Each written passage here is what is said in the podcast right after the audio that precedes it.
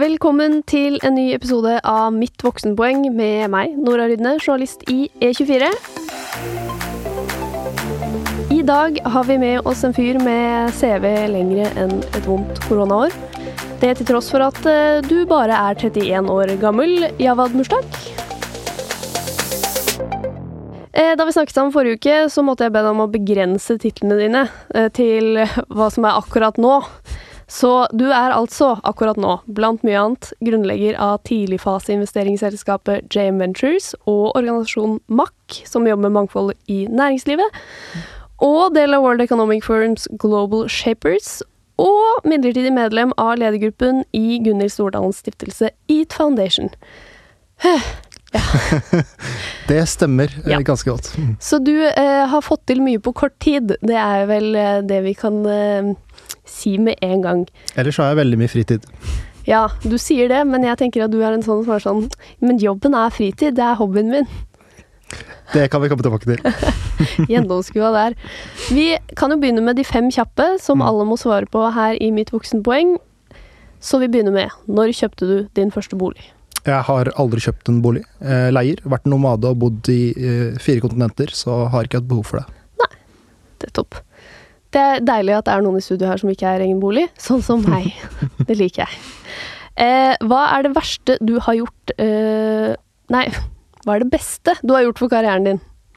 Eh, dere tenkte litt på det, men jeg tror noen ganger som har tatt valg på når man skal move on. Eh, så en av de valgene jeg tok, eh, var at jeg sluttet jobb uten å vite hvor jeg skulle gå. Og det eh, står jeg ser jeg tilbake på som et veldig godt valg. Det skal vi jo litt tilbake på senere. Eh, hva er det verste du har investert penger i? Ja, Dere tenkte litt på det, og så, og så eh, tenkte jeg litt på at eh, jeg bor jo på Bislett, eh, og har ikke noen familie, og investerte penger i en elbil. Det var en ganske dårlig investering. Jeg liker biler, da. Og så står jeg også på eh, ventelisten til den nye eh, el-Porscha, og da tenkte jeg at jeg kan ikke gjøre samme feil to ganger. Eh, da eh, melder jeg meg av den lista. Så det var en ganske dårlig investering. Akkurat den har jeg gått, eh, gått null på, vil jeg si. Jeg har ikke tapt så veldig mye, men det var ikke en veldig god investering. Nei, men jeg tror, jeg tror vel eh, det er en sånn bred enighet om at bil generelt er en veldig dårlig investering. I Ring 1 i Oslo, spesielt. Ja. I hvert fall der. Men hva er det beste du har investert penger i, da? Um, det, det er jo flere ting, da, men jeg, jeg tenker sånn tilbake på hva som har gjort eh, meg til den jeg er i dag. Utdanning har vært ekstremt viktig, uh, så de pengene jeg investerte uh, på å velge studie eh, og den tiden i Oslo, var, var ekstremt, ekstremt verdifull. Og kanskje den beste investeringen jeg har gjort, eh, gjort så langt. Og så har jeg jo truffet eh, greit på noen, noen aksjeinvesteringer og sånn, da, så Det er bra. mm. Har du, har du lyst til å si et selskap der? Nei, altså Vi kan jo si at XXL under korona, det, det doblet seg ganske mange ganger. Nettopp. Og det var det ikke så mange som så komme. Nei, men, øh, men i lys av, av at vi måtte være igjen her i, i dette landet her, så førte det oss til at vi ønsket å se landet mer og være ute i fritiden og, og bruke tid på fritidsaktiviteter. Og det var jo selvfølgelig en, en at vi trengte å kjøpe flere, uh, mer utstyr, og XXL er jo en god kandidat når det ikke er så veldig mange andre konkurrenter. Jeg tror ikke XXL er helt enig i at det er få konkurrenter, men eh, de fikk i hvert fall en eh, etterlengtet opptur, så det var jo gøy å få være med på for eh, noen som er aksjer der. Timingen har vært veldig god. Hyggelig for dere. Mm. Det er bra. Men eh, ja, du sier jo her at du har investert i karrieren din, mm. eller utdannelsen din, Mm. og du er altså siviløkonom Det stemmer. eh, på BI. Det, det stemmer også. Nettopp rett fra videregående, eller? Ja, eh, så, så jeg var jo litt usikker på, på hva jeg skulle velge eh, når jeg skulle velge høyere utdannelse. Og sto litt mellom juss og eh, siviløkonomi. Eh, valgte bort eh, jussen og eh, valgte siviløkonomretningen. Og det har vært veldig interessant fordi jeg har mange muligheter. da. Eh, og, eh, og BI viste seg å være et eh, eksepsjonelt godt valg, i hvert fall for, for, mine muligheter. da. Mm. Men hvorfor, var det, hvorfor falt valget på det, da? Eh, og ikke juss? Nei, det, det, det har jo vært en sånn lang prosess hvor jeg drev og reflekterte litt på hvilke muligheter jeg hadde, og jeg syns jussen er ekstremt spennende. Eh, vi lever i en rettsstat, og det er eh, mange muligheter å kunne tolke loven på den og andre retningen. Men eh, det gir jo litt begrensede muligheter internasjonalt. Eh, og så hadde jeg litt sånn begrenset forståelse for det juridiske yrket, og eh, tenkte også veldig mye på det etiske aspektet. og det var en del elementer ved det som gjorde at jeg, jeg valgte det bort. Og så tenkte jeg mer globalt og, og hoppet på siviløkonomgraden. Nettopp. Men hadde du en plan? Var det sånn Ok, da skal jeg ikke bli advokat da skal jeg bli akkurat dette. det, er, det er liksom du kommer til å høre litt mer av historien min også. Eh, jeg har ikke alltid hatt en veldig sånn lineær karriereplan. Da. Veldig mange har jo sånn klar plan eh, når de studerer ungdomsskolen eller på videregående skole, at de skal ta uh, denne studieretningen, og så skal de jobbe i den bransjen etterpå i noen år, og så skal de ta den stillingen. Jeg har vært litt sånn eh, forsøkt å, å, ta til meg alle mulighetene som har kommet min retning, og prøvd å skape muligheter jeg ikke hadde. Og så har jeg egentlig bare kjørt på uten at det har vært veldig sånn bevisst lineært valg, da. Og så har det ført til eh, masse interessante muligheter som jeg ikke kunne tenkt meg for eh, fem eller ti år siden, da. Ja. ja, for mange leter jo veldig Altså noen har jo den planen mm. hele tiden, og så er det mange som jobber veldig hardt for å finne den der lineære veien. Ja. Var du noensinne stressa for det, eller er du en sånn person som bare tenkte eh, ja ja, Que sera, sera. ja, jeg, jeg, har alltid vært liksom person som, eh, som, liker å på en måte utforske ting, da. Eh, og eh, har på en måte aldri vært i en situasjon hvor jeg er redd for å hoppe ut i noe, spesielt noe som er ukomfortabelt. Og så liker jeg å utfordre meg selv hele tida. Så jeg tenker at det å forsøke ting som ikke alltid er veldig sånn langsiktig, femårsplan eller tiårsplan, er superspennende. Så noen er mer komfortable i en setting hvor de trenger sånn veldig lineært løp, og det, det, respekterer jeg. Så tenker jeg at noen andre er litt som meg, som er liksom jeg kaller for hustler-mentalitet. Uansett hva du gjør, så ender du opp alltid med å finne en løsning. Så jeg har aldri vært bekymra for, for ikke finne en løsning. Da. Det finnes så mange fantastiske muligheter. Bare hoppe litt ut i det. Men hvis ja. du er for lenge et sted, da, enten det er i forhold til studieretningen eller i en karriere eller en, i forhold til en jobb, eh, så mister du også potensielle muligheter som kunne dukket opp hvis du hadde valgt å hoppe ut. Altså, du har faktisk greid å holde på det liksom fra tidlig alder? At det ja. er bare sånn Ja, det, det går seg til? Ja, ja det, det, det, er jo litt sånn rotfestet i, i måten jeg har vært uh, fått opp, hatt oppveksten min på, da. Uh, i, i, min by. Uh, foreldrene mine emigrerte jo til, til Norge på 70-tallet. og så Eh, faren min var utdannet ingeniør, eh, forsøkte å få seg jobb, fikk ikke en relevant jobb. Så han endte opp med å ta handelsbrev ved siden av eh, jobbene sine på både hotellbransjen og eh, andre typer serviceyrker. Eh, og så endte opp med å starte opp for seg selv, eh, og flyttet da til det jeg liker å kalle for Østlandets perle, da, Halden. fantastisk by. 30 000 innbyggere. Og der er jo jeg født og oppvokst i en sånn gjennomsnittlig stor pakistansk familie. Vi er åtte barn. Um, så, så, det har vært en veldig interessant oppvekst, da. Uh, og, og, fordi du ikke kommer fra veldig privilegerte kår, så må du begynne å jobbe fra veldig tidlig alder. Så jeg har alltid vært liksom uh, lært opp av mine foreldre på at ikke vent på at mulighetene kommer til deg. Hvis du ønsker å få til noe, så må du skape mulighetene selv. Ja, så det kommer litt derfra, ja. For ja. jeg, jeg uh, tror kanskje at mange uh, får den uh, litt sånn du må ha en lineær karrierevei mm. hjemmefra. Mm. Det hadde ikke du? Nei, ikke noe i det hele tatt. Fordi foreldrene mine Faren min han, han bokstavelig talt pakka kofferten sin og et par flipflopper og, og, tok buss sant, over, over, grensa gjennom Iran, Tyrkia og så Tyskland til Norge. da. Og han ga opp alltid en alder jeg tror 21 eller 22 år gammel. Så han kom ikke til landet her fordi vi skal begrense de mulighetene vi har. Nå har vi fått en fantastisk mulighet til å kunne utforske, eksponere og lære så mye som mulig. Eh, og det var alltid mantraet hans. da. Eh, og foreldrene sa alltid hjemmefra det har ikke noe å si hva du gjør, men det du må gjøre, må du gjøre bra. Eh, og de mulighetene du ikke har, de må du skape. Ik ikke vent på at noen skal gi deg mulighetene. Eh, det er tøft, men du har fått en fantastisk mulighet. Bruk den. Nettopp. Og det gjorde du, mm. skjønner jeg, i en veldig ung alder. Ja, ja. Jeg, jeg, startet jo uh, min første jobb som, i en alder av 13, da, som avisbud. Og så brukte jeg først bare lønningene mine til å kjøpe en mobiltelefon. Så på den tiden så var ikke telefonen så, så avansert som det er nå. da. Jeg hadde sånn Nokia 3510 med sånn polyfoniske ringetoner og svart-hvitt-skjerm. Ok, For det var veldig fett når man fikk polyfoniske ringetoner. Det husker jeg. Det var ganske kult. Oh. Ja, men, så, så, så, brukte jeg ca. en måneds tid, da, og så klarte jeg å, eh, å miste den i vannet. Eh, og den ble ødelagt, og eh, som alle andre eh, innvandrerforeldre, så kjøpte ikke de forsikring. Så, så jeg, måtte, jeg, hadde, jeg mistet telefonen min da, og tapte på det. Så jeg trengte en ny telefon, så gikk jeg på finn.no. Hadde jo lært meg litt sånn der tradisjonell pakistansk pruting av min far, da. Og så klarte å forhandle meg til en veldig god pris for en telefon. Brukte den i ca. seks måneders tid, og så klarte å selge den for mer enn jeg kjøpte den for. Og da tenkte jeg at dette er en businessmulighet. Og du, som 13-åring? Som 13-åring. Og så mellom alder av 13 og 15 så hadde jeg startet First Venture eh, og solgt 150 telefoner.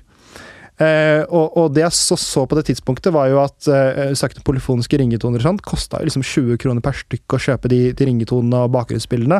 Ja, ja, det var sånn, det var sånn oversikt på baksiden av avisa. Ja, det stemmer, ikke sant. Så måtte du sende melding 20 kroner per stykk. Og det blir ganske dyrt når du skal liksom bytte mm. ringetoner ganske ofte, da.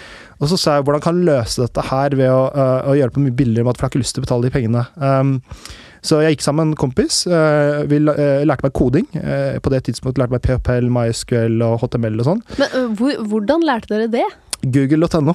Finner veldig mye. Du, ja, Google fant Ja, ja, ja, Så du må sette deg ned og, og, og liksom, How to learn coding, ikke sant? Og så, og så setter du i gang. Og så han andre kompisen min kunne kode litt, da. Eh, så, så, lanserte vi en nettjeneste hvor du kunne la, la, laste opp ditt eget materiale fra nettet, og så kunne du laste ned for bare kostnaden av det som var dataforbruket ditt, da, som er en tiendedel av kostnaden av det du betalte for.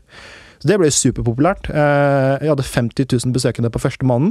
Eh, fikk en, en eh, til det var tsjekkisk investor til å begynne å investere i nettsiden og sånn, så det var veldig kult som 15-åring, da. Så, så problemet er jo litt sånn når du er 15 år og ikke vet så veldig mye om rettighetsbeskytta materiale.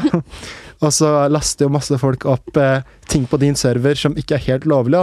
Eh, så vi fikk en e-post fra et amerikansk selskap som sa at eh, dere har rettighetsbeskytta materiale på deres server. Det var ikke jeg som kontrollerte, det var folk som lastet opp på, på serveren min. Mm. Hvis ikke de legger ned nettsiden i løpet av to uker, så saksøker vi deg. Du blir litt redd, da. Eh, så, jeg, så, jeg, la ned nettsiden, og så startet noe nytt eh, to uker senere. Så, så, det var alltid mentaliteten at du eh, skal skape de mulighetene du i utgangspunktet ikke har, og så fins det alltid en bedre løsning enn det som eksisterer, da. Altså, jeg bare lurer på, dere må jo ha vært liksom gull for den lokalavisa i Hallen? ja, det var, det var veldig mye interessant omtale. Jeg husker at vi hadde sånn fem på gata i Hallen Arbeiderblad. Ja. Og så eh, stille spørsmål om ja, hvor, uh, hva er viktig altså Hva betyr mobiltelefon for deg? Så alle sa jo kult med telefon og sånne ting. Og så svarer jeg, da. Jeg ser kun på mobiltelefon som business. Og da var du 15-åring. Det, det, ble jo litt oppfatta som litt halvarrogant i, i det norske eh, Hallen-miljøet, da. Men, eh, men, også litt driftig. Fordi folk så jo potensialet. Ja, ja, ja. En liten kid som ønsket å, å, gjøre noe ut av seg. Jeg tror jeg hadde tenkt sånn Du går enten veldig på trynet, eller så Altså, this kid is going places. så, så, det var jo veldig spennende. Men, men, men det, det, som er liksom kontra andre siden av, av, av, dette her, når du bor i en sånn liten by, er jo at uh, du har veldig få med innvandrerbakgrunn, og så har du ofte lærere og medelever som ikke har møtt folk som har så store ambisjoner eller ønsker å gjøre noe ut av seg, som ser litt annerledes ut. Og jeg møtte jo veldig mye på fordommer, da, eh, både blant medelever og lærere som ikke helt uh, trodde at jeg kunne, kunne, få til noe, og så sa de at sånn som deg må egentlig bare ta Mekken eller bli sånn uh, byggfolk. Så det passer har i hvert fall en arbeidsmulighet ikke sant, i arbeidsmarkedet etterpå. Uh, og, og, det var litt sånn irriterende, fordi de hadde automatisk kategorisert folk som som så litt annerledes ut. Jeg er jo norsk som, som, alle andre. Det er foreldrene mine som emigrerte hit til, til dette landet her. Men pga. det så, så uh, sa det at ambisjonsnivået mitt måtte uh, reduseres, da. Og så begynner du å stille deg selv spørsmålet, for hvis du hører det for ofte, så begynner du nesten å tro på det. Mm. Og så kom jeg i en sånn identitetskrise hvor jeg begynte å stille meg selv spørsmålet er jeg norsk nok, eller kanskje jeg er for pakistansk for, for, for eksempel. Jeg må gjøre noe for å integrere meg enda mer enn jeg har gjort da. Så tenkte jeg at eh, hjemme så, så lager jo moren min sånn fiskeboller og fiskepinner og poteter og sånn. Det er jo litt sånn integrering, ikke sant. Men, men, jeg må gjøre noe som virkelig får meg til å få aksept i, i, i det norske samfunnet. Og så tenkte jeg for meg selv, hva er det norskeste av det norskeste jeg vet? Um, nynorsk. La meg lære dette nymotens språket, og integrere meg og bli en del av massene. Ble du god i nynorsk? Eh, nei, det gikk, det gikk litt dårlig de første to årene. Jeg, jeg besto så vidt i åttende og niende, og så tiende klasse så sa jeg at uh, jeg må vise at jeg kan beherske dette, dette nymotespråket. Satte meg ned, eh, lærte meg eh, nynorsk til viss grad. Eh, gjorde en modernisert tolkning av et nynorsk eventyr. Mm. Fikk best karakter i klassen. Hey. Og så, når mens jeg leste oppgaven, det, eh, så kom en gammel lærer inn i klasserommet, og hun sa til meg at det kan ikke stemme at en med din bakgrunn har fått den karakteren her. Og så bare dro den ut av hånda mi, sa at jeg må gå og ta den tilbake og rette den på nytt. Og jeg møtte liksom sånne, sånne hendelser gang på gang, at lærere sa at eh, du må, jeg måtte lese eh, prøven to ganger fordi jeg, jeg, jeg, jeg tror ikke at en som deg kan skrive så bra, eller kan eh, analysere så bra. da. Eh, og, og på det tidspunktet så har du liksom to muligheter. Da. Det ene er at du, du blir irritert, og så svarer tilbake og sier at det stemmer ikke. Jeg, er bare kanskje dyktig i det jeg gjør, da. Eh, kan, kanskje jeg også klarer å liksom, eh, knekke koden på dette nymotensspråket som læreren min mener er så ekstremt viktig for næringslivet. eh, uten at det kanskje gir så stor effekt, da. Men på den andre siden så var det mer sånn at du må jobbe så hardt, eh, dobbelt så hardt, eh, for å vise at resultatene dine blir svar på tiltale. Eh, at du gjør det så bra eh, at læreren begynner å si at vet du hva, det er faktisk personer eh, som har en annen bakgrunn som har potensial. La oss støtte ambisjonsnivået. Så det ble min drivkraft, at jeg skulle motbevise både medelevene og lærerne på at jeg kunne være god. Og da kunne jeg ikke være god, da måtte jeg bli best innenfor det jeg gjorde. Og det greide du jo på mange områder. Ja, det, det gikk jo ganske greit. Ja. Sender du sånn uh, fuck you-meldinger til de gamle lærerne og bare Look at me now. Nei, nei, nei. Det har vært veldig interessant, for det har vært noen gamle medelever og lærere som har faktisk kontakta meg igjen. Eh, som har både beklaget at de, de, de var litt ignorante. da. Og jeg tror ikke det handler om at de var rasister eller noe. Jeg tror bare det handler om at de hadde ikke møtt så veldig mange som så annerledes ut, som gjorde det som ønsket å gjøre det bra, da. Men, men også har jeg liksom vært veldig bevisst på at eh, for meg har det aldri vært ambisjon å i sånt, eh, vise fingeren til dem og si at se her, I made it, ikke sant? Det hadde jeg gjort. da. men, men, men det var mer sånn eh, La meg bare sørge for at eh, andre som kommer etter meg, også har en åpen dør på at lærerne ikke, ikke tror på deres eh, ambisjonsnivå. At de støtter på ambisjonsnivå og sørger for at de faktisk får det støtteapparatet og en plattform som gjør at de også kan lykkes og gjøre det bra. Da. Så for meg var det mye viktigere å se hvordan får den neste generasjon med på dette her, istedenfor at uh, nå kan jeg gå og si at uh, se her, I told you so. Eh, Det er ikke en så stor gevinst for min del. Eh, Det var jo veldig, veldig diplomatisk av deg. Kanskje jeg skal lære noe av det. Men ok, så du har jo eh, du har fortalt meg liksom alle de tingene du gjorde under studiene. Mm. Og eh, hvis jeg skulle listet opp alle, så hadde vi sittet her et døgn. Eh, men det var veldig, i hvert fall mye sånn Du var veldig involvert i ting, da. Og mm. nå skjønner jeg jo kanskje at det var liksom det, det var ikke noe nytt da du begynte å studere. Mm. Men hva var liksom tankegangen bak det? Du var veldig mye med i sånn eh, case-konkurranser, Ja. oppgaveskriving, veldig mye studentorganisasjoner. Mm. Ehm, bare, du Ja. fikk vel veldig mye å gjøre ved siden av studien, da. Ja, eh, veldig selvvalgt, da. Eh, så, så ambisjonsnivået ble jo sånn at hvis jeg cruiser gjennom studiet, bare vil ha øh, liksom standardstudie, gjøre det bra karaktermessig akademisk, så gjør jeg det øh, godt, som veldig mange andre. Men hvordan kan jeg lære mest mulig? Og utfordre meg selv på en måte som veldig få andre gjør. Så det første jeg sa til meg selv, at jeg skal studere fem år på en privatskole, borteboende student, uten å ta en studielån, som begynner å sette en premiss på at du må begynne å jobbe ganske mye ved siden av studiene. Og det er både fordi jeg ønsket å dekke eh, graden, men også fordi jeg ønsket å lære veldig mye gjennom eh, de jobbene jeg hadde. Så jeg hadde eh, heltidsjobber fire ganger i uka eh, ved siden av studiene. Og så startet studentforeninger som ble ganske store. Jeg startet, var med på casekonkurranser. Engasjerte meg veldig veldig mye, eh, både fordi jeg ønsket å gi tilbake til studentmiljøet, men også fordi jeg ønsket å lære så mye som mulig. Fordi jeg tror at det akademiske er så ekstremt viktig, eh, men det er kun én komponent av puslespillet. Men var det liksom sånn at du tenkte nå skal jeg være med på så mye som mulig, for da blir det lettere å få jobb? Eh, eller var det for å få venner, eller var det bare litt sånn ja, jeg må ha noe å drive på med? Jeg, jeg, jeg, jeg tror ikke det var fordi jeg får jobb, for jeg tror når du starter på studiene, så er liksom ikke det å, å, å tenke på hva du ønsker å jobbe som helt sentral, i hvert fall de første kanskje én-to årene. Eh, så for meg var det veldig viktig å bare eh, eksponere meg så mye som mulig, gjøre så mye som mulig, lære så mye som mulig. Og så har jeg alltid vært litt sånn derre eh, Alltid hatt litt sånn derre mine ting jeg gjør ved siden av det. Så det bare studere ble liksom for monotont og for, for kjedelig, da, så jeg måtte gjøre det ved siden av. Ja, så det var ikke sånn Nei. Det var igjen der er det Kommer du fram igjen? Ingen plan, bare litt sånn gjør det du vil. Ja, ja, og startet to selskaper som begge feilet under studiene, og i tillegg til det, så det var jo supermye nyttig læring, da. Men, men det er ikke alt som, som ga gevinst. Men jeg tenker at alt det har jo vært liksom viktig brikke for jeg har blitt den jeg har blitt, og, og, og har fått den læringen jeg har fått, som sannsynligvis er mye mer enn det den normale studenten får på den, eh, liksom, det samme tidsrommet, da. Men hvis du kunne valgt igjen nå, da, og skulle liksom plukke fram de viktigste tingene du gjorde ved siden av studiene, Mm. har du noe idé der? Sånn, da tenker jeg til folk som har Altså eh, Nå må man ikke legge lista så høyt at en tenker skal du få jobb, må du gjøre alt det Javel har gjort.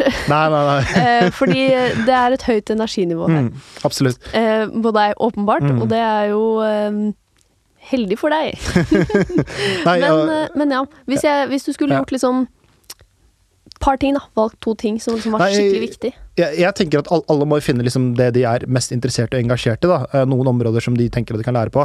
Mm. Men jeg tenker at eh, spesielt nå i situasjonen hvor vi har hatt covid, og det er veldig mange som blir utdannet, og veldig få arbeidsplasser, så er ikke bare det å ha gode karakterer godt nok lenger. Du må gjøre noe som gjør at du har en sant, en, en bredere profil. Da. Det jeg liker å kalle for en superstudent. En superstudent er ikke bare en som har gode akademiske resultater, men det er flere komponenter som gjør at du faktisk har tatt initiativ, vist lederskap, eh, gjort ting ved siden av.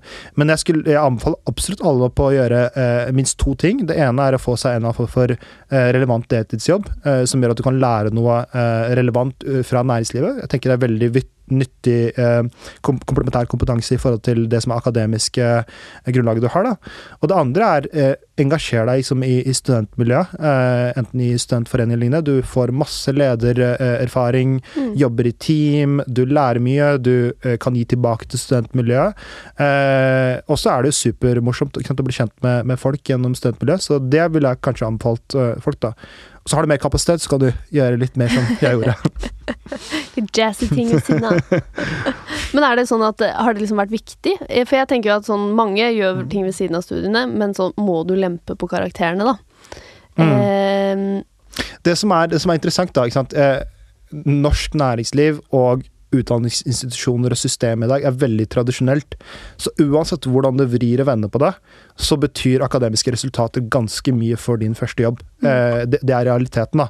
Så, så jeg er veldig sånn bevisst på å si til folk at aldri inngå kompromiss med å gjøre så mye ting ved siden av at du begynner å redusere resultatene så mye at det blir en hindring for deg for å komme inn i jobb. For det hjelper ikke at du har gjort eh, x antall ting ved siden av, når eh, karaktersnittet ditt er under middels nivå, f.eks.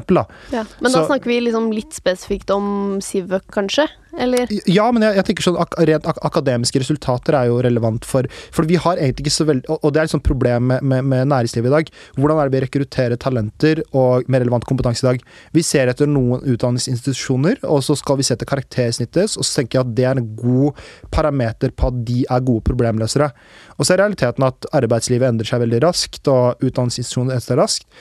Og da må vi tenke på hvordan vi kan rekruttere nytt. da, fordi Hvis vi legger bort karakterkravet og vi legger bort uh, ting ved siden av, så sier at ok, når du skal komme inn i jobben her, så er det rett oppgaven du skal løse. Kan du løse disse oppgavene på, i en intervjuprosess som gjør at du faktisk kommer gjennom? Uh, så, så jeg tenker at noe av det er uh, linket til akademiske resultater, for de viser at du har en viss problemløsningsevne. Og så har du en del andre ting som ikke nødvendigvis er reflektert i akademiske resultater, men som er ekstremt viktig for at du skal lykkes å komme opp i karrierestigen. da. Mm. Så, så det er viktig, uansett hvordan vi rir på nåværende tidspunkt, å ha gode resultater, for det gjør at du automatisk blir en del av bunken.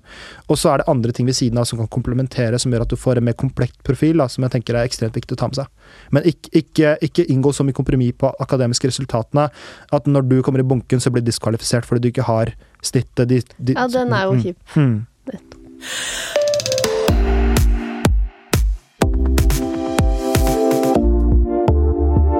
Ok, men når du var ferdig på BI, da hadde du gjort veldig mye.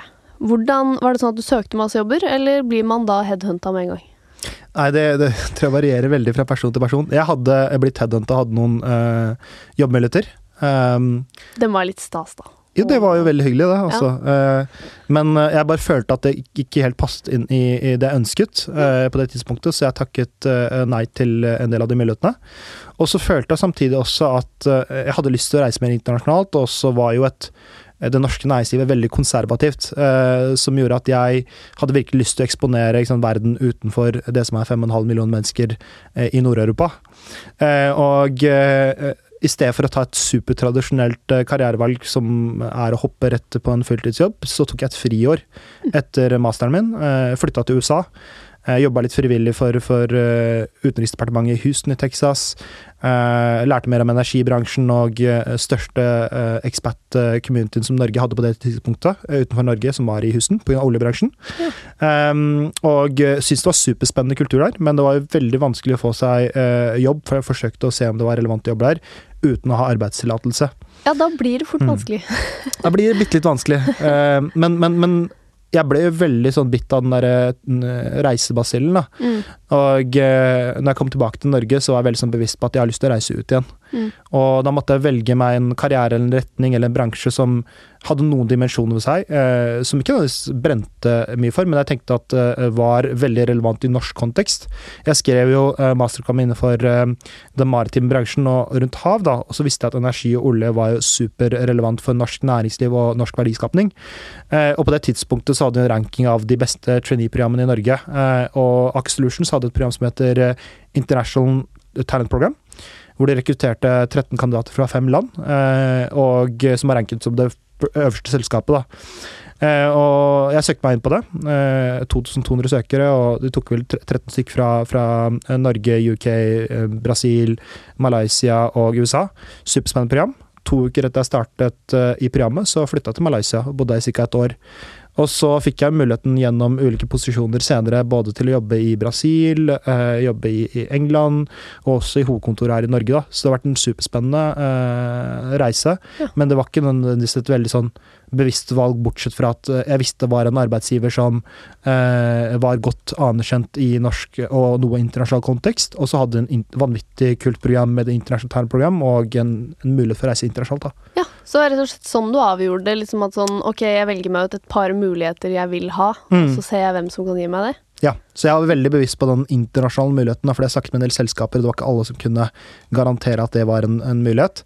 Eh, og da, da, tenkte jeg at dette passet veldig godt inn, og det var en bransje som eh, er superinteressant å lære mer om. Mm. Eh, og timingen kan man si på godt og vondt. Da jeg startet i, i 2013, eh, når det var 110 dollar fatet, og i 2014 så kollapset det alt. Eh, men det er også den mest spennende tiden å jobbe i en bransje som må i en, en, stor transformasjon og omstilling, både for det digitale skiftet, men også i forhold til kostnadsreduksjoner og ja, ja, ja. Eh, et bærekraftskifte også senere. Så, så det ble superspennende å sette hvordan bransjen også endret seg eh, gjennom de årene jeg var i selskapet. Mm. Men så skjedde det et eller annet. Fordi ja. du, likte, du likte deg den jobben. Eller hvor lenge likte du deg i den jobben? Fordi jeg vet jo at her kommer det plot twist. Ja. Nei, altså, jeg tenker at alt har sin tid, da. Uh, og, og, det er viktig liksom å kunne prioritere tiden sin på det man virkelig brenner for og er engasjert for. Engasjert i. Og jeg hadde jo gjort uh, som alltid, starta med et par organisasjoner ved siden av uh, Aker-jobben også. Både MAK, som har jobba med mangfold, og jobbet med mentoring på, på unge på videregående skoler, og, og, det var ting jeg var superengasjert i. og så kom jeg fram til et punkt hvor jeg begynte å stille meg selv spørsmålet um, ønske, altså En av mentorene mine som sa til meg at du må stille seg spørsmålet eh, Har du lyst til å jobbe de neste fem årene? Eh, våkner opp tidlig hver morgen for å dra på jobb, og, og brenner du virkelig for det du gjør? Hvis svaret er nei på noen av disse, eh, så burde du ikke være der du er. Eh, og, og, svaret var jo nei på, på, åpenbart på alle disse. Og så var jeg i, i USA på sånn uh, World Economic Forum Global Shapers-møte, hvor en uh, tidligere som jobba til Goldman Sachs, en jente, uh, slutta, og så Eh, holdt ut innlegg om the art of side hustling. Og så begynte de å gi liksom ti årsaker til folk som driver med ting på siden av. Og hvorfor de gjør det. Fordi de prøver å finne purpose ofte i ting utenom jobb, for de klarer ikke å finne det i den jobben de er i der og da. Og så begynte jeg å tenke på at dette, dette er jo litt som meg, da. Eh, kanskje, kanskje jeg må prøve å ta steget og prøve å gjøre litt mer av det jeg gjør utenfor. Men så er du litt feig, da, fordi du har liksom komfortabel stilling, og jobber med konsernstrategi M&A var, var, jo en relevant og spennende stilling. Og um, du får jo penger på konten hver måned, da, så det, det, er, deilig, det. det er ganske deilig, altså. Uh, men, men, så begynte jeg å reflektere for meg selv, sa at det er noen ting i livet du ikke kan kjøpe. Det er uh, tid og helse. Og vil jeg virkelig bruke mesteparten av tiden min hver eneste dag et sted hvor jeg egentlig ikke uh, jobber i en bransje jeg brenner supermye for, og har lyst til å være i på lang sikt? Og svaret var nei, da. Eh, og så kom jeg til et punkt hvor jeg sa at jeg vet ikke hva jeg vil gjøre, men jeg vet hva jeg ikke vil gjøre. Skrev oppsigelsen min, leverte den uten å ha noe å gå til. Eh, og det var et, eh, selvfølgelig et, et ganske eh, signifikant valg, da, ja. eh, i forhold til det her. Og eh, når jeg ser tilbake på det, så tenker jeg at timingen var, var riktig. Men lå eller- du mye våken om natta i den perioden, eller? Når du hadde sitt siste arbeidsdag og var sånn Ja, hva skal jeg gjøre i morgen? nei, egentlig ikke. Nei. Det er litt tilbake til den der halm-mentaliteten min. At jeg, jeg var ikke så veldig bekymret for hva som kom, fordi eh, jeg hadde vært veldig flink til å både eh, bygge opp en, en noe økonomisk stabilitet eh, ved ikke ha noe liksom, for, for lån og ha nok egenkapital som gjør at jeg kunne liksom, være uten jobb i noen måneder. Men så var jeg så selvsikker på at uansett hva jeg gjorde, så klarte jeg å finne på en mulighet. Ja. Eh, så jeg var ikke så veldig bekymra for å gå uten jobb eh, særlig lenge. Eh, Jeg, bare, jeg sitter og lurer på nå, liksom, har du blitt personlighetstesta? Fordi jeg bare kom på nå at jeg, da de personlighetstesta Kjell Inge Røkke, så kom det fram at han var verdens minst suicidale person. Og jeg tenker, men hvis han er det, så må du være verdens minst nevrotiske person. Jeg er ganske, det er veldig interessant, fordi det har vært noen situasjoner hvor jeg mista et fly i, Jeg var med på Fulbright Scholarship i, i USA i 2010. Ja, så klart. Og, bare sånn humble brag, ikke sant. Bare for det litt. Men, men, men der så mista vi flyet tilbake, og, og, og da merket jeg liksom, folk var veldig sånn der, de begynte å uh, gråte litt og visste ikke hva de skulle gjøre. Jeg var helt stille, jeg bare gikk bort til skranken og sa ja, ja, vi har mista flyet, da. hva skal vi gjøre nå for, for å fikse flyet i morgen, da? Eh, og det samme skjedde jeg var i Lebanon eh, eh, i fjor, på en annen konferanse. Eh, heisen stoppa midt i. Og den begynte å riste litt, og folk begynte å tenke på hva er det som skjer utenfor Lebanon, Det er jo litt sånn risikoland, da. Og jeg var sånn helt calm, rørte meg ikke, og så bare begynte jeg å trykke på knappen. ikke sant? Jeg la oss sørge for å se at den faktisk kan komme da. Ja. Så jeg, jeg vet ikke helt om jeg har fått en sånn defekt i at jeg ikke reagerer, men, men, men, men jeg tror også det er mye læring i at eh, stress løser ikke noe problem. Eh, og, og, og jo mer stressa jeg er blitt, jo mindre løser jeg problemet. Så jeg har blitt veldig sånn, bevisst på å være veldig sånn kald, og så holde meg rolig og prøve å se hvordan jeg kan skape løsning, i stedet for å sitte der og tenke på hva er problemet og bli Ja. stressa over det. Men du er ikke en sånn person som trenger meditasjon for å komme til det punktet? Nei, nei, men jeg føler at jeg har ganske mye ro, ro Ja. indre ro generelt. Altså det Fordi Mm. det, det er liksom, når du forteller dette, så skjønner jeg jo mer og mer av den veien du gikk. Og det skal vi komme tilbake Mm. til, men først så tenker jeg at vi tar tabbespalta, for den passer bra inn her. Du skal fortelle Nå har du fått inn Fulbright og alt det sånn, ikke sant. Nå må vi snakke om hvordan du har gått på trynet.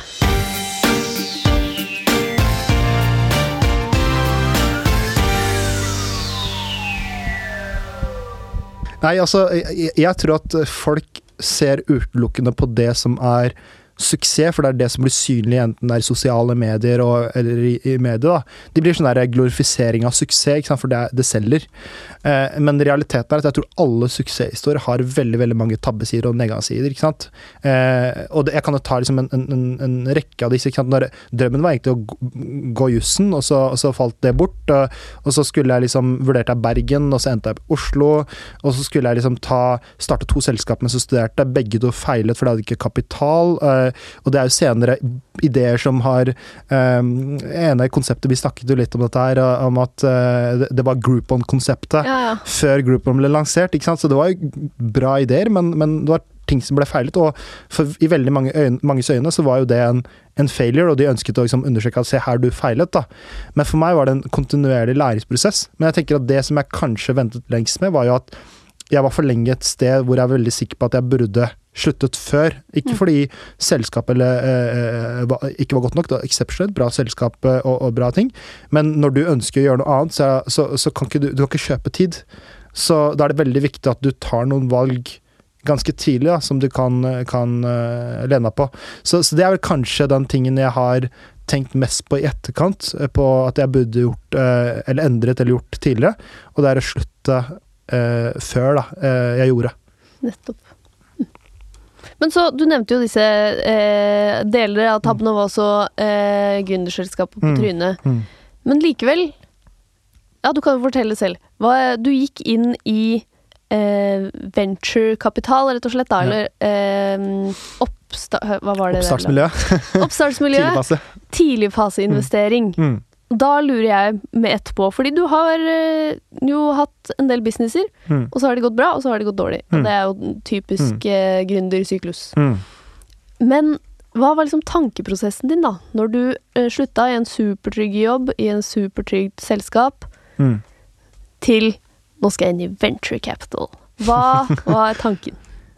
Ja, altså, jeg, jeg, jeg, har alltid tenkt litt på ting jeg, jeg liker å jobbe med. da, Og så har jeg tenkt veldig mye på ting som systemendring og spesielt impact. Da. Hvordan kan jeg skape mest mulig positivt fotavtrykk i verden? Så mitt, mitt, store mål og visjon eh, med det jeg ønsker å gjøre, er ikke, er ikke jobbe for et selskap eller noe. Det er hvordan kan jeg påvirke én eh, milliard mennesker på en positiv måte eh, når jeg er ferdig med det, det jeg har gjort, da, liksom hele det løyp, løypa mi.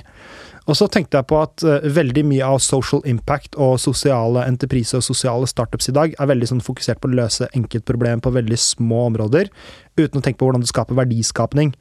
Eh, og så ble jeg litt sånn fascinert av å, tenke, eh, å se mer på hvordan kan du tenke eh, på det å tjene penger og å redde verden litt og skape en bedre verden.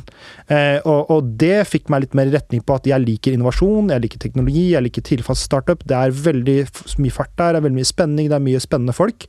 Jeg har lyst til å utforske det mer. Og så har jo jeg teknisk sett sant, alt fra 13-årsalderen min, selv om det ikke kategoriseres som sant, eh, tidligfaste startup-selskapet, så var det jo teknisk sett oppstartsselskaper og, og business. Ja. Jeg startet sant, hele veien. da. Så jeg har alltid hatt en sånn liten gründerspire i, i, magen. Og så tenkte jeg at det var kult å se litt på hvordan kan jeg kombinere det med noe som er kommersielt uh, dyktig, og som kan også skape en bedre verden. da. Og det var det som førte meg også litt inn i først det som var impact investment-miljøet. Eh, så jobber med tidligfaseinvesteringer, teknologi og startups. Eh, også senere eh, enda mer med, med tidligfaseinvesteringer og startup-selskaper. Hm. Og da gikk du i gang? Ja, da gikk jeg i gang. Var det første du gjorde da å starte uh, dette venture-selskapet? Nei, nei. nei. nei det, det, kom senere, så det var en konsekvens. Jeg startet først i et uh, sånn akseleratormiljø uh, som var, hadde et fond, og det de gjorde, var at de investerte i um, teknologiselskaper i ja, emerging markets. Det? det? var Katapult. Katapult ja. Så, så, men de hadde noen interessante prosjekter på tidspunktet. så De ønsket å se hvordan kan vi bygge gode innovasjonsøkosystemer for oppstartsselskaper i utviklingsmarkeder. Så hvordan kan vi få la oss si utviklingsland i, i det afrikanske kontinentet til å, å bruke startup for å skape arbeidsplasser og for å løse problemer. Eh, så et av prosjektene de, så jeg ble jo uh, eh, henta inn på et prosjekt da, og ledet uh, det prosjektet som var, handlet om hvordan skal vi bygge et økosystem for startup. Uh, og hvordan kobler du relevante aktører til å begynne å katalysere endring. Så vi gjorde først litt i Kenya, og så var, gjorde jeg et prosjekt i Mauritius. hvor vi presenterte en visjon for Mauritius basert på den norske modellen og det vi hadde gjort her. På hvordan Mauritius kunne bli en øystat for afrikanske startup til å kunne skalere opp. Og det presenterte vi da for eh, statsministeren, finansministeren og 50 av topplederne, som var, eh, ble ganske godt mottatt. da. Ja. Eh, og det, det, det, fikk meg også litt mer i den tracken da, som handlet mer om eh, spesielt utviklingsland, og hvordan kan Eh, startups og teknologi være med på å skape en, en varig økonomisk uh, utvikling, i stedet for at vi gir bistandspenger som vi gir i dag. Og spesielt da i forhold til hjemlandet mitt, uh, til mine foreldre, som er Pakistan. Hvordan kan jeg bidra til at i stedet for at vi gir ti kroner donert til familie eller lignende, eller 100 kroner, kan vi begynne å donere penger til å investere i oppstartsselskaper som skaper arbeidsplasser og løsning på de mange problemene de har der. Da. Så, så det, var, det, det var der en periode. Og så, eh, når jeg var ferdig med prosjektet, så, så hoppet jeg ut, og da startet jeg og sa at jeg har lyst til å, å starte litt meg selv, og eh, starta mitt eget uh, lite investeringsselskap som uh, hadde to dimensjoner. Da. Det ene var å, å støtte opp gründere med en mangfoldig bakgrunn i, i, Norge, som ikke hadde tilgang til kapital eller nettverk. Og det andre var uh, i utviklingsmarkedet, og spesielt Pakistan, som jeg startet litt med, med mm. først.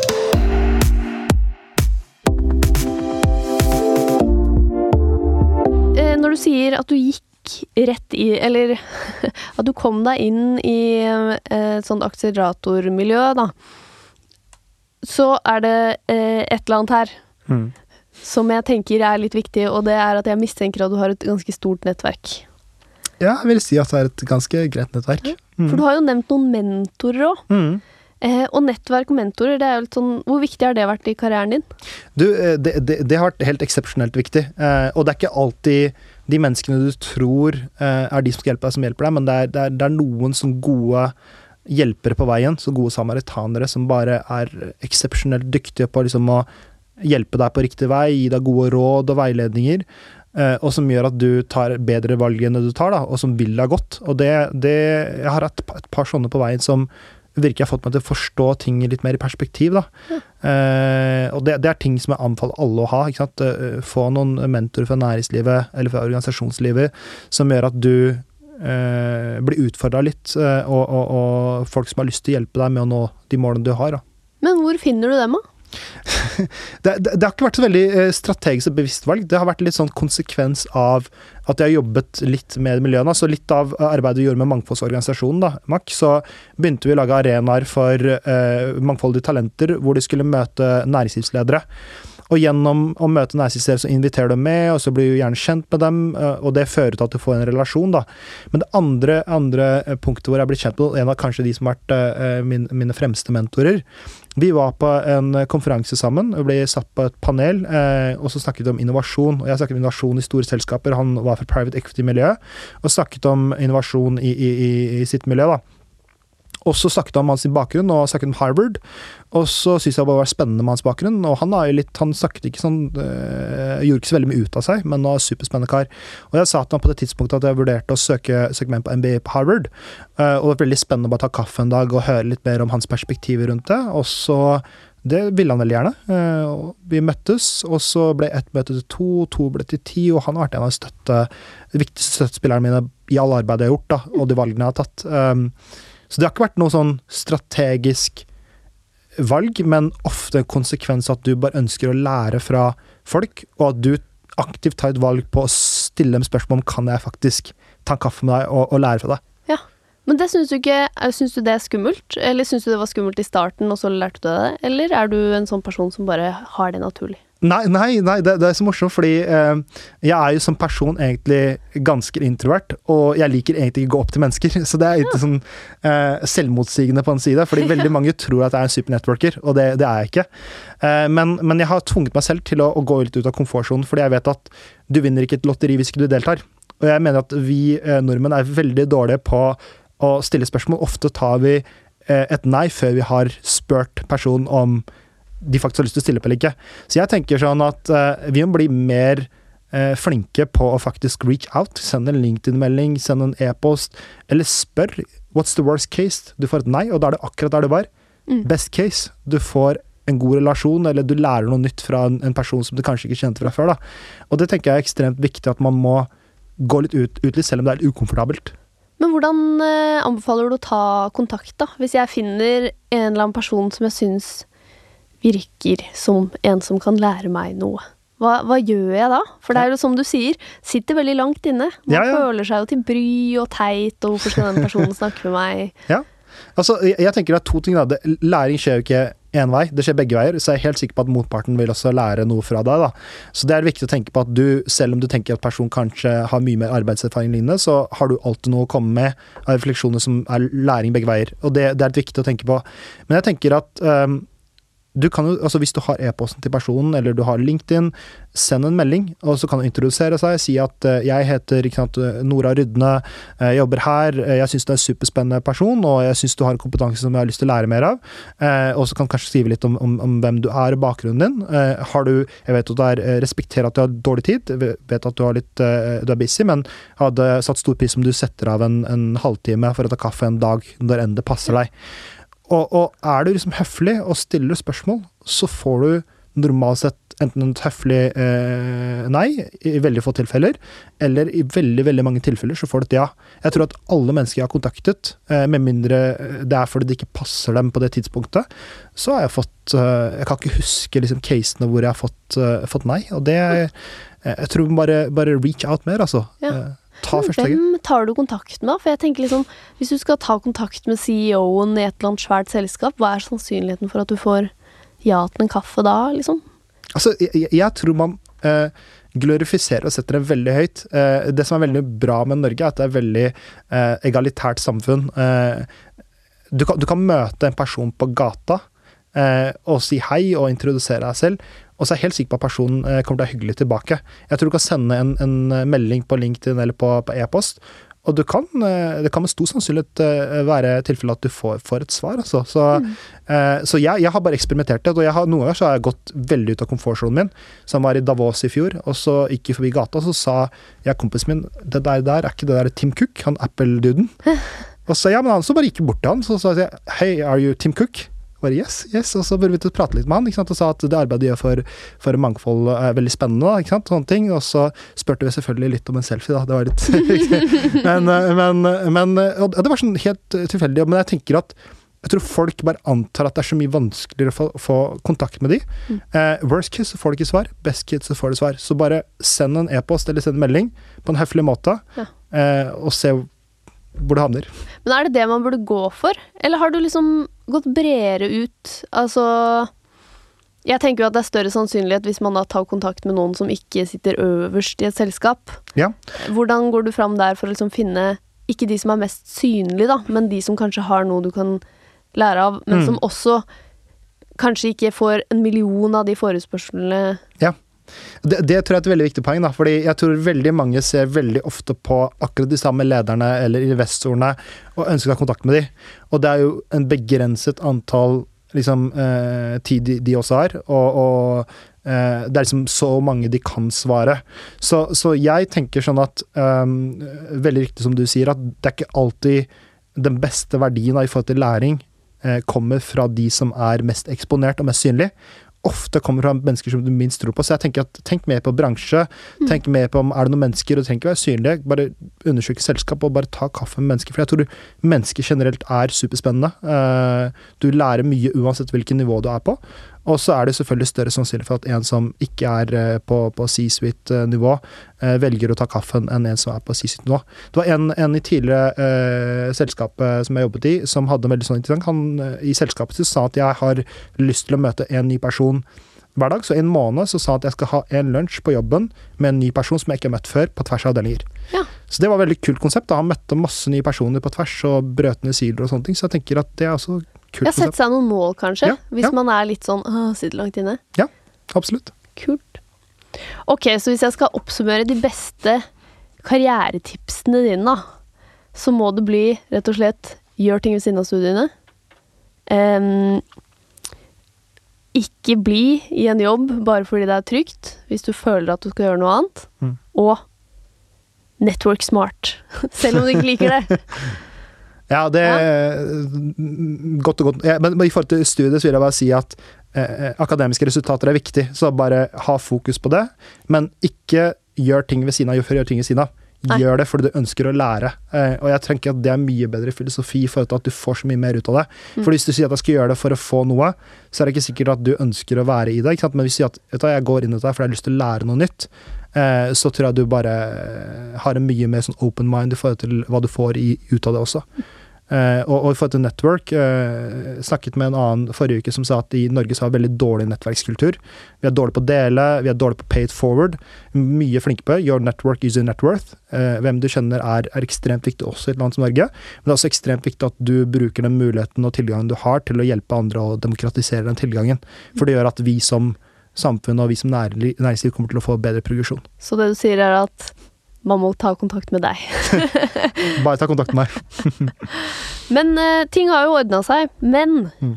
hvis du kunne gå tilbake og gitt deg selv ett råd da du var 20 år, hva ville du uh, gitt i råd da? Um, jeg tenker sånn, ut, Utdanning var ekstremt viktig for meg, da. men jeg tenker at jeg kunne starte enda tidligere med å utnytte den muligheten jeg hadde. Så, så tenk på at vi lever i et superprivilegert land eh, som Norge. Vi har alle muligheter foran oss. Don't use that opportunity to be average. Du har alle muligheter til å bli exceptional. Eh, absolutt alle har mulighet til det. Bruk den fantastiske muligheten vi har fått til å lære mest mulig. Og, og, og, det ville jeg sagt til meg selv som 20-åring. Så jeg ville gjort enda mer enn det jeg hadde gjort. ok, jeg tror kanskje det er bra at du ikke kunne gå tilbake. Kanskje det. Du blir veldig stressa. Møtt veggen veldig tidlig. kanskje. Tusen takk for at du eh, kom hit og eh, delte eh, den veldig, veldig lange karrieren du har pressa inn i veldig få år. takk for invitasjonen. Hvis du har lyst til å se mer innhold fra Voksenpoeng, så er vi altså på Instagram under navnet Voksenpoeng med Nora. Der kan du jo gjøre alt mulig, fra å kommentere hva du syns om podden, til ja, å sende inn hva du syns vi skal ta opp videre i podden. Så følg oss der. Og produsent for dagens episode, det var Kristine Masdal Odne.